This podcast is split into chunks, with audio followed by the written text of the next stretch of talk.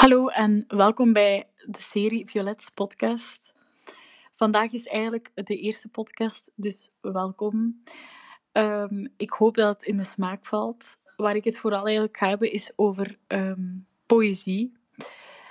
Poëzie ligt mij eigenlijk nauw aan het hart en dat is omdat ik al acht jaar toneel doe en daar dus ook een beetje ben ehm, ingesmeten geweest, zeg maar. Uh, ik heb zelf teksten moeten schrijven. Ik ben ook naar toneelstukken moeten gaan, daar reviews over moeten schrijven en zo verder en zo voort. En um, dat heeft mij eigenlijk altijd heel erg getypeerd. En ben ik eigenlijk blijven schrijven en ook poëzie blijven schrijven. Um, ik zal in deze podcastserie ook een paar gedichten met jullie overlopen en daar uitleg bij geven. Zo, dan, uh, als alles goed is gegaan, hebben jullie de eerste minuut geluisterd van mijn podcast. Ik ga en wil daar eigenlijk ook een beetje verder op ingaan, aangezien dat dat slechts een inleiding was. Um, ik denk dat ik zal beginnen met me voor te stellen. Mijn naam is Violet Gedink. Ik heb uh, twee zussen. Ik woon in Zottegem Centrum. Ik ga uh, hier ook naar school op het KAS. En ik volg als seminairvak audiovisuele technieken. Mijn hobby's zijn onder andere toneel en schrijven. Um, ook zit ik bij de Olga's. Dat is een soort groep, een soort organisatie, dat nu een beetje stil ligt omtrent corona, maar dat dus naar tentoonstelling gaat en die daar dus reviews over schrijft en um, die eigenlijk een beoordeling geeft. Ik zou het graag eigenlijk eerst een beetje hebben over waarom dat poëzie nog een beetje taboe is en ook niet zo toegankelijk voor jongeren.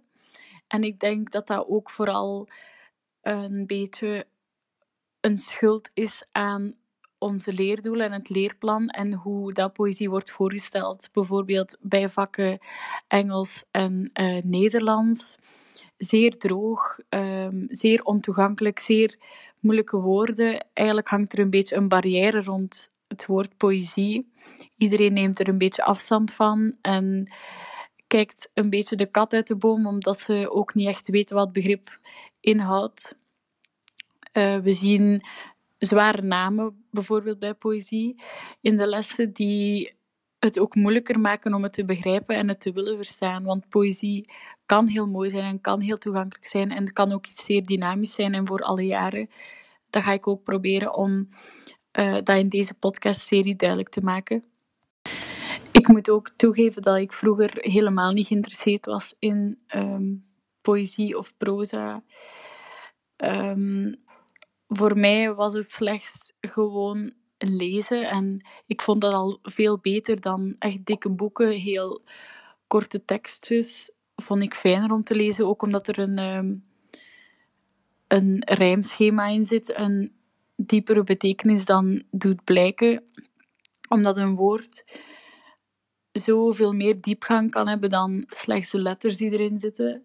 Ik vind het ook leuk om met woorden te spelen, ze op een andere plaats te zetten, zodat het ook veel speelser en dynamischer klinkt. Poëzie moet ook entertainend zijn. En uh, het moet ook vernieuwend zijn. Het moet ook doen voelen, het moet ook doen aanspreken. Dus eigenlijk is poëzie iets heel veelzijdig en ook iets creatief. Het kan ook een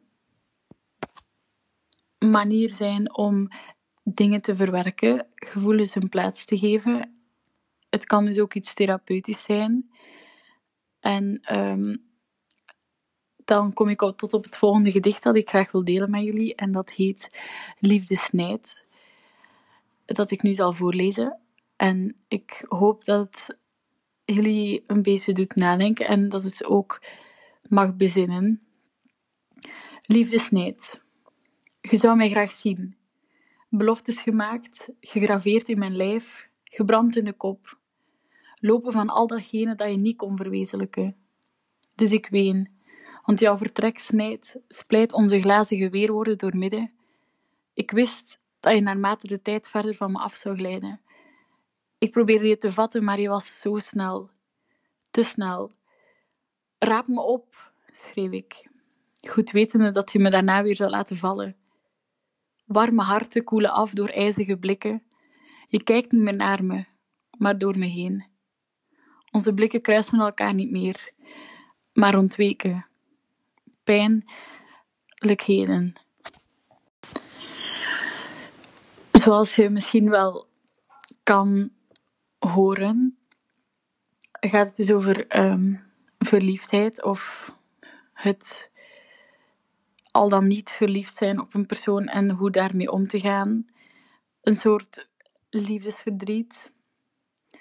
Um, bijvoorbeeld warme harten koelen af door ijzige blikken. Dat is een zeer dynamische zin, omdat er zowel er zit een tegenstelling in. Je hebt warme en je hebt ijzige blikken. Dus dat doet mensen wel nadenken, waardoor dat er ook een soort van lyrisch iets komt in te zitten. Je, je, speelt eigenlijk met tegenstellingen. Onze blikken kruisen elkaar niet meer, maar ontweken. Dat is iets zo um, levendig en puur. En het beschrijven daarvan houdt mensen geïnteresseerd, omdat ze het ergens ook wel herkennen.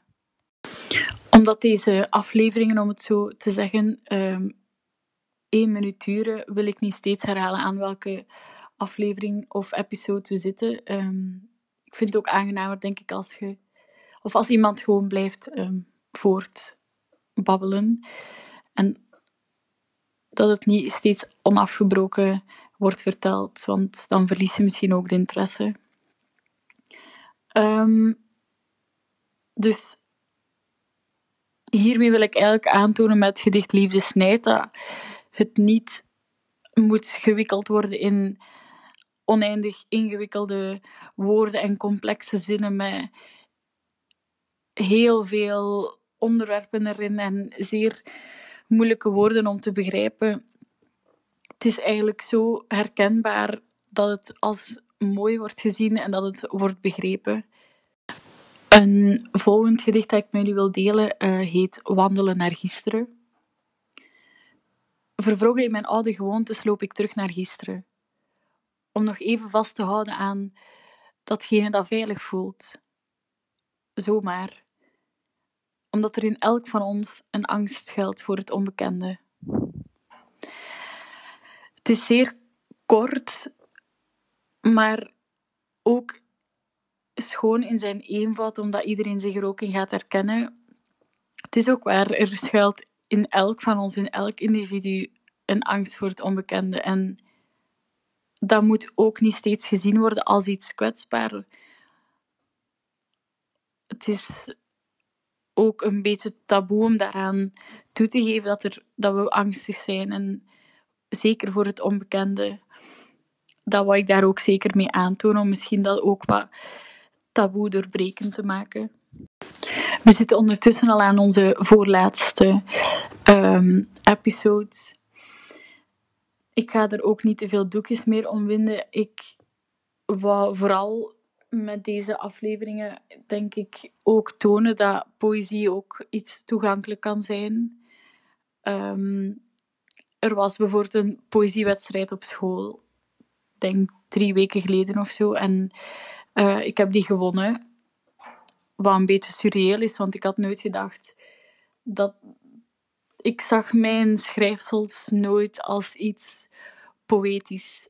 Of ik zou het ook zelf nooit poëzie hebben genoemd. En om dan die erkenning te krijgen dat velen het wel iets kwetsbaar en het zelf poëzie noemde en met zeer lovende kritiek. Dat is gewoon heel mooi om te horen en dat doet ook voor mij veel, omdat ik het nooit zo zag als iets poëtisch. Dan zijn we bij de laatste episode gekomen. Um, ik hoop dat het begrip poëzie ook iets opener kan zijn nu um, voor wie dat luistert. Want zoals jullie horen, hoeft het niet iets vastklampend te zijn aan grootste zinnen en moeilijke woorden en namen zoals Shakespeare bijvoorbeeld. De tijd verandert, mensen veranderen. Niets is statisch. Er is ook veel relatief. En dat is ook zo met poëzie. Poëzie verandert ook doorheen de jaren. En dat is ook de schoonheid daarvan. Dus als je het gevoel hebt dat je iets kwijt wilt of iets wilt schrijven en je wilt dat zien als poëzie, dan zou ik dat echt aanraden om dat te doen. Want voor je het weet, schrijf je ook echt iets poëtisch en kan je er zelf een wedstrijd mee winnen. Ehm, dus ja, bedankt voor de aandacht en voor het luisteren. Hopelijk was het toch iets wat interessant.